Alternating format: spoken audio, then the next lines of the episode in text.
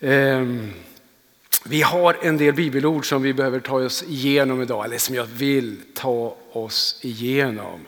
Så vi kastar oss rakt in direkt i Lukas kapitel 11, vers 1-4. Ett ganska välkänt ställe.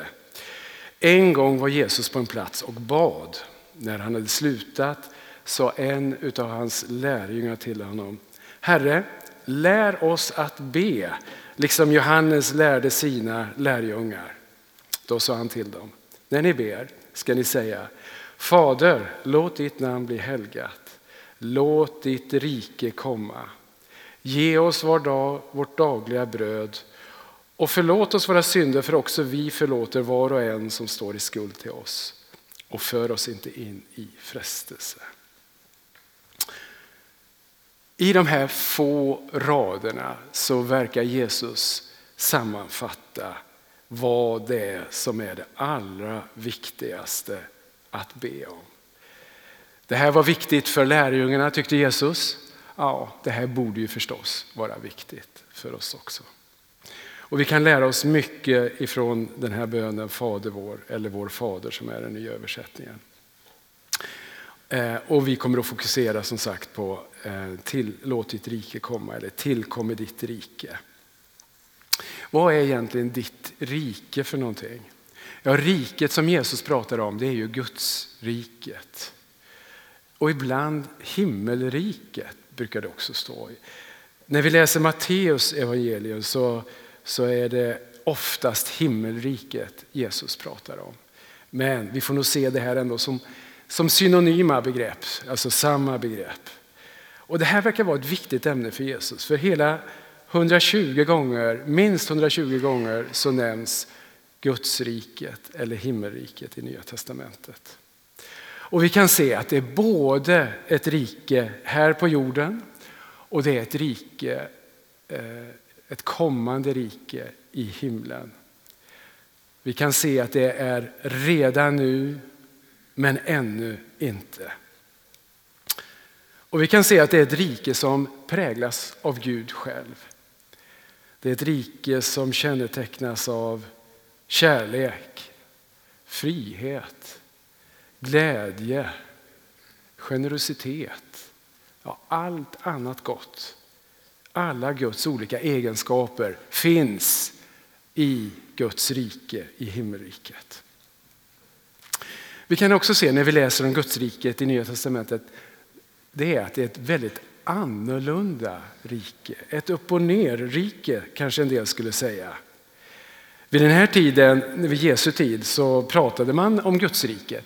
Det var inget nytt begrepp, det fanns även i Gamla Testamentet. Alltså Israels folk hade pratat om Gudsriket och man hade längtat efter att Gudsriket skulle komma. I Johannes eh, 18 och 36 så svarar Jesus på en fråga som han får ifrån folket. Jesus svarade, mitt rike är inte av den här världen. Hade mitt rike varit av den här världen skulle mina tjänare ha kämpat för att jag inte skulle utlämnas åt judarna. Mitt rike hör inte till den här världen. Det fanns ju en föreställning bland judarna vid den här tiden att Guds riket, ja, de längtade ju efter att det skulle komma en befriare, en stark politisk och en stark militär ledare som skulle upprätta Israel igen. Det skulle bli ett starkt kungadöme och Israel skulle bli en stark nation och starkt land som det hade varit tusen år tidigare under kung David. De blir ju väldigt besvikna när Jesus kommer, när de förstår att Jesus han avsåg inte att upprätta det gamla Israelsriket på det sättet som de hade förväntat sig, hoppats och önskat. Då. Nej, Gudsriket är något helt annorlunda jämfört med de vanliga mänskliga tankarna som fanns vid den här tiden. I Lukas 17, 20-21 så får Jesus ytterligare en fråga och den här gången från fariseerna. Tillfrågad av fariseerna om när Guds rike skulle komma svarade han Guds rike kommer inte på ett sådant sätt att man kan se det med ögonen. Ingen kan säga att här är det eller där är det. Nej, Guds rike är inom er. Guds riket finns inom oss. Det är en inre förvandling eller förändring som sker hos alla de som tar emot Jesus Kristus som sin frälsare och Herre. Vi ser att Gudsriket börjar prägla människor, förändra människor, man gör annorlunda val. Och de här människorna i sin tur präglar sin omgivning, sitt samhälle. Och vi kan se i väckelsehistorien, eller historien över kyrkan och församlingen, hur kristendomen utbreds och där människor går ifrån eh, förtvivlan och hopplöshet till att få ett hopp och en framtidstro. Och som leder i sin tur till en praktisk förändring, en praktisk förvandling på något sätt. När vi läser eh, Nya Testamentet och om Gudsriket så finns det väldigt många texter som handlar om att Gudsriket liknas vid ett frö eller ett sädeskorn eller skörd. Sådär. Väldigt mycket bilder och så ifrån eh, jordbrukssamhället. Ja, men det var ju det folk kände till vid den här tiden och det var någonting som människor förstod. Eh, vi går till Markus eh, kapitel 4, vers 26-29. Jesus sa, Guds rike är som när en man sår säd i jorden.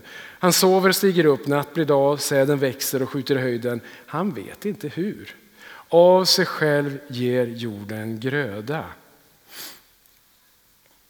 Vi ser att det frö som landar i en god jord, det växer, det blir högre och högre, till slut så ger det en god skörd.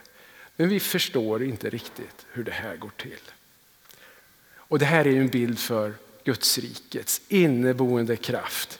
Det finns en så stark kraft i Gudsriket här på jorden. Vi förstår inte alltid hur kom det sig att det här lilla fröet som fanns, det växte till och blev något stort och viktigt. Eh, vi kan få vara med att eh, vattna, vi kan vara med och plantera, vi kan vattna, vi kan gräva och vi kan hjälpa till på alla sätt. Men det är Gud som ger växten. Fortsätter man där i, Markus eh, fjärde kapitel så, så kommer vi även till senapskornet. Vi läser inte texten men ni känner säkert igen den här texten om senapsfröet, det här lilla oansenliga ehm, som blir något fantastiskt. Växer upp till att bli något värdefullt, viktigt och som får betyda mycket för många människor. Även Johannes pratar om det här med sädeskorn och det är en text jag riktigt gillar som vi kommer till eh, Johannes 12, vers 24-25. Eh, jag säger er sanningen. Om vetekornet inte faller i jorden och dör förblir det ett ensamt korn. Men om det dör så bär det rik frukt. Den som älskar sitt liv förlorar det, men den som sätter sitt liv sist i den här världen ska bevara det till evigt liv vetekornet som dör. Det här är liksom ytterligare ett uttryck för det här upp och nervända tänkesättet i Gudsriket. Det är typiskt för Guds rike, det här omvända perspektivet. De första ska bli de sista, de sista ska bli de första. För att ta emot Guds riket så måste du vara som ett barn, det vill säga oansenligt eller svagt. Eh, Eh, när du är svag så har du möjlighet att vara stark i Kristus. Vi ser ifrån den här Johannestexten att vårt eget ego behöver dö bort. Eh, för att Gudsriket ska kunna blomma ut i våra liv. Det är det som det handlar om då, att sätta Jesus på vårt hjärtas tron. Varje människa har ett, ett inre utrymme eh, ett, en tron, skulle vi kunna kalla det, där ingen annan kan ta den här platsen utan Jesus själv. Och när vi sätter Jesus på vårt hjärtas tron, då har vi möjlighet att se Guds riket växa till inom oss. En av de bästa beskrivningarna av Guds riket är delar av bergspredikan. Och bergspredikan finns ju i Matteus kapitel 5, 6 och 7. Och i Matteus 5, 3-10 så kan vi läsa om saligprisningarna som vi känner till också. Saliga de som är fattiga i anden för de tillhör himmelriket. Saliga är de som sörjer för de ska bli tröstade. Saliga är de ödmjuka för de ska ärva jorden. Saliga är de som hungrar och törstar efter rättfärdighet för de ska bli mättade. Saliga de barmhärtiga, saliga de renhjärtade, saliga de som skapar frid, saliga de som blir förföljda. Totalt åtta saligprisningar eh, tar Jesus upp här. Och vad är salig då? Ja, det är ett litet gammalt uttryck, men det är ju att vara lycklig. Lyckliga de. Eh, avundsvärda, de är välsignade. Och Jesus börjar, utav de här åtta så börjar han med saliga de som är fattiga i anden. Vill vi inte vara rika i anden? Nej, jag tror det finns ett... Eh, det, det här är inte en slump tror jag att Jesus börjar med de fattiga i anden. Vad är det egentligen? Jo, det är de som längtar efter något högre än sig själva. De som längtar efter Gud, som ser att de klarar inte av att leva sitt liv som de skulle vilja leva utan hjälp av Gud. Och Det här tror jag utgör själva grunden för att Gudsriket ska kunna utbredas, bli större och bli tydligare och synligare runt omkring. Men varför är då inte hela, varför är inte Gudsriket helt dominerande? Eh, jag menar, det här borde ju vara väldigt attraktivt. Vi längtar ju efter att komma i en miljö där kärlek råder, där vi känner oss accepterade, välkomnade, önskade. Wow, varför finns inte Gudsriket mer tydligt? Ja, det är klart, det finns ett motstånd. Det finns ett motstånd mot uh, Gudsriket. Den onda, det ondas taktik det är ju att efterlikna Gud men göra en, en vrångbild över Guds godhet. Det är som en bakvänd spegelbild som det onda försöker göra. Och det här leder ju förstås till död, skilsmässa från Gud. Och vi kan ju se resultaten utav detta i vår värld idag. Vi behöver inte titta långt för att se krig, klimatkris, korruption. En liten andel oerhört rika människor i vårt, eh, eh, på vår jord och en stor mängd väldigt fattiga, en stor ojämlikhet. Vi vet att eh, Gud är en treenig Gud, Fader, Son och helig Ande. Som jag sa så försöker det onda efterlikna Gud själv, men göra det tvärtom på något sätt. Även det onda har en treenighet bestående av djävulen, den onde själv, världen och köttet. Ja, djävulen, det är ju den onde själv, kommer jag inte prata så mycket mer om. Men världen då, vad, är, vad, betyder det? Ja, men det är det system av tankar som finns i samhället, eller den kultur som finns och som är präglad av synden eller bortvändheten från Gud. Och som också är präglad av självcentreringen eller själviskheten. Vad är köttet? Ja, men det är vår benägenhet att vilja gå vår egen väg. Att sätta egot just i första hand. Och när vi pratar om det här så är det väldigt viktigt att betona att det här handlar inte om jämnstarka krafter, Gud och det onda. Det här är inte en dualism eller dualistisk synsätt.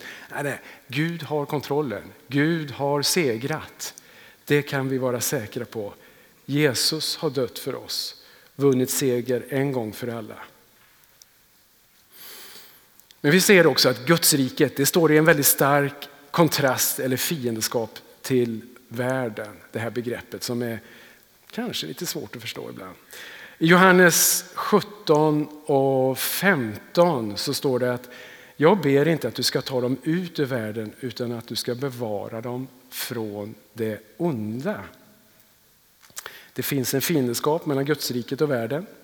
Vi är kallade att tillhöra Kristus men att leva i världen. Vi är sända av Jesus till människor i världen. Det här ordet världen i Nya Testamentet det översätts ofta med ett ord som heter kosmos. Och det känner vi ju igen. Det står faktiskt 180 gånger i Nya Testamentet.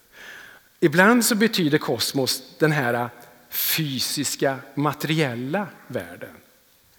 Det vill säga att eh, ja, världen-världen skulle man kunna kalla det. Alltså det Gud skapade världen. Och ty så älskade Gud världen, Johannes 3 och 16. Då, då är det liksom det här fysiska materiella. Och det är viktigt att förstå att, att världen, världen, den står inte i kontrast med Guds rike. Den är inte ond i sig. Världen, världen är den fysiska, fysiska världen som är skapad av Gud. Den är inte ond. Genom historien så har ju kyrkan kämpat mot den här dualismen, vilket inte är en biblisk, det vill säga den här nedvärderingen utav det materiella eller det fysiska. Och det har ibland lett till en del konstigheter i historien. Allt ifrån det här till, till, att, eh, till asketism, att man inte värderar kroppen på ett rätt sätt. Vi får inte förminska det här skapade, det, det jordiska på det sättet. Men världen är också på många ställen i Bibeln, i Nya Testamentet, det är ju då en beteckning för på det här systemet av olika tankegångar, av kulturer eller sedvänjor som man brukar göra och som inte präglas utav Gud eller det goda utan av det onda och det självcentrerade och utav synden. Vad är världens budskap idag? Eh, ja, det är nog ganska lätt om man tittar på tvn att eh, säga att ja, men satsa på dig själv. Eh, bli en kändis har jag förstått att det är ett ganska starkt budskap idag. Det är fint att bli en kändis. Kräv din rätt är också ett eh, tydligt världens budskap. Du är kung i ditt eget liv.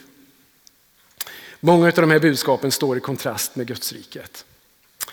Så därför uppmanar Bibeln oss att vara uppmärksamma på vad är det för budskap som finns i världen idag? För vi vet att det påverkar oss. Och det påverkar både oss och hela församlingen. Romarbrevet 12 och 2 så står det Anpassa er inte efter den här världen utan låt er förvandlas genom förnyelsen av era sinnen så att ni kan pröva vad som är Guds vilja. Det som är gott och fullkomligt och behagar honom. Det är klart att vi riskerar att påverkas. Ja, men det är självklart. Det har vi sett genom hela kyrkohistorien bakåt i tiden.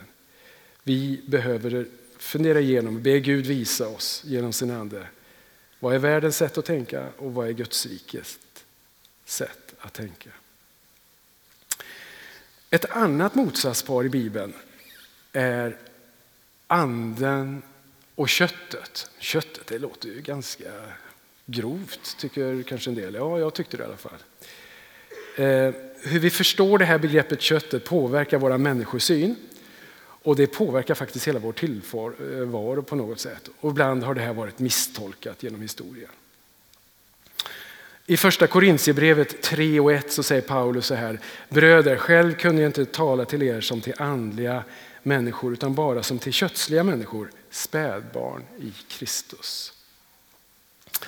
Ja, Paulus verkar tycka att det är bättre att vara en andlig människa än en kötslig människa. Men vad är det egentligen att vara en kötslig människa? Ja, han fortsätter ju sen i vers 3 och där kan vi se vad är kännetecknet för att vara en kötslig människa? Jo, för när det finns strid och avund bland er är ni då inte kötsliga och lever som alla andra. Vi kan se att köttet, ja men det är vår benägenhet att vilja gå vår egen värld. Att sätta egot först. Att vara självcentrerade helt enkelt. Det är viktigt här att säga att köttet, det är inte detsamma som kroppen eller det fysiska. Även om det låter så. Det är inte det. Det finns en stor risk för överandlighet i kyrkans historia. Att vi nedvärderar det kroppsliga och det mänskliga. Vi ser ju att Gud har skapat oss till att vara en kropp och en själ. Han har skapat oss till människor med kroppsliga behov. Vi blir trötta och vi blir hungriga. Det ska vi inte nedvärdera eller säga att det där är bara kroppsligt eller eh, mänskligt så att säga. Kan vi vara överandliga? Går det? Ja, det finns ju två diken. Då. Antingen är underandlighet, då. det är nu vi inte räknar med Gud alls. Ehm, när vi inte nedvärderar Guds makt och hans eh, anspråk på något sätt. Och det är det vanligaste diket förstås i samhället. Ja, men man räknar inte med Guds anspråk. Men överandlighet, kan det bli för mycket Gud i våra liv? Nej, det är klart. Det är klart att det aldrig kan bli för mycket Gud hos oss. Men det kan bli för lite människa i våra liv.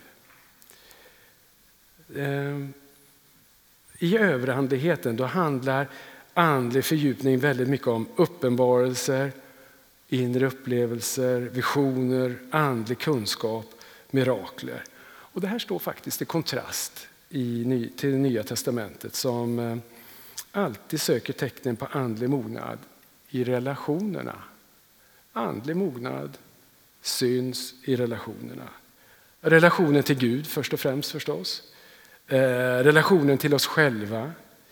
Relationen till skapelsen. Och relationen till andra människor.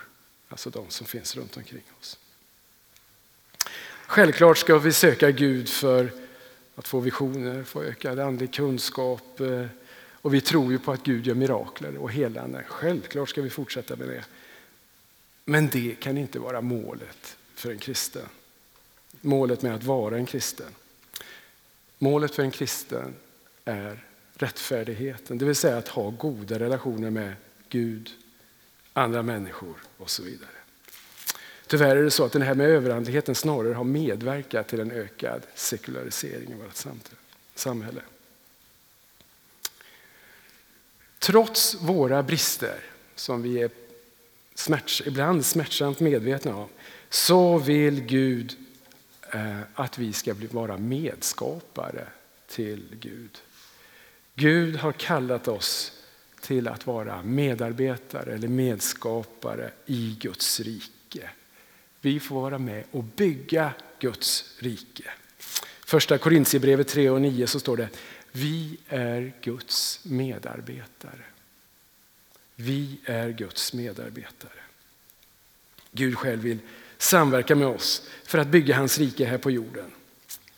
När jag var liten och gick i söndagsskolan då hade vi en sång som hette Bygga Guds rike, bygga Guds rike. Känner ni igen den?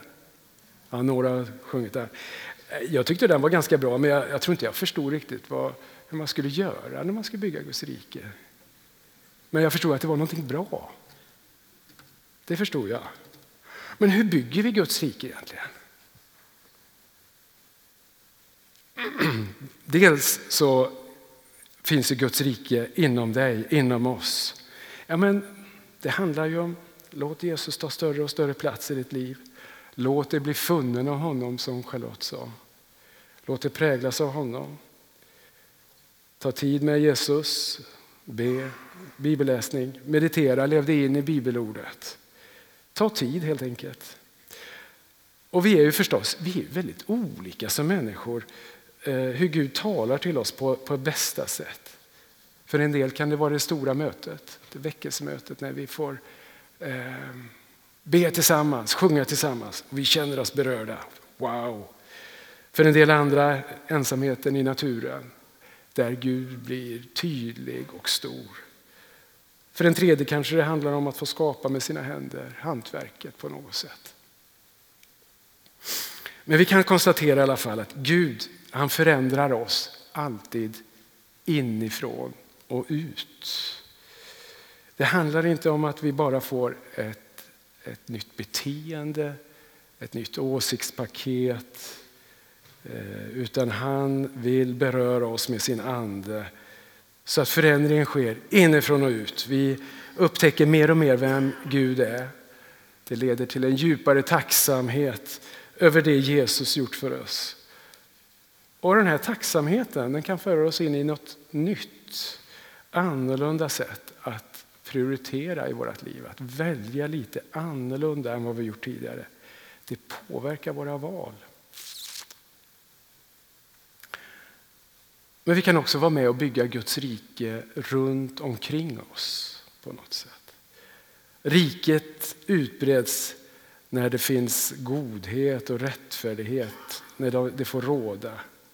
När vår tro får lite praktiska konsekvenser. När vi hjälper människor som har behov helt enkelt. Kanske när vi hanterar vår miljö på ett ansvarsfullt sätt. Och det är inte ovanligt tyvärr att jag tänker att ah, det där lilla jag gjorde, det spelar väl inte så stor roll i långa, långa loppet. Så det leder till att vi inte gör någonting alls. Jag tror tvärtom att det är så mycket i det lilla som är viktigt när det handlar om att bygga Guds rike. Ge det där lilla extra leendet till någon som jag tror behöver det. Hjälpa någon praktiskt. Alla de här vardagliga händelserna som sker på arbetsplatser och skolor. Vi ska inte underskatta det lilla så att säga. Ja, eller så kan det vara tvärtom förstås. Vi tar oss själva på alldeles för stort allvar. Jag måste rädda hela världen. Vi måste göra mer. Vi måste göra mer. Församlingen, kyrkan, allihop måste göra mer. Vi drabbas av Messias komplex på något sätt. Och egentligen är det väl bara en person som inte haft det här messiaskomplexet och det kan ni förstå vem det var då så att säga. Till slut så blir frågan till oss, vad kan jag göra för att bygga Guds rike? Hur kan jag göra Guds riket ännu tydligare? Vad kan vi som församling göra för att Guds riket ska utbredas? Vad kan vi göra annorlunda och göra mer? I staden, i landet, i världen.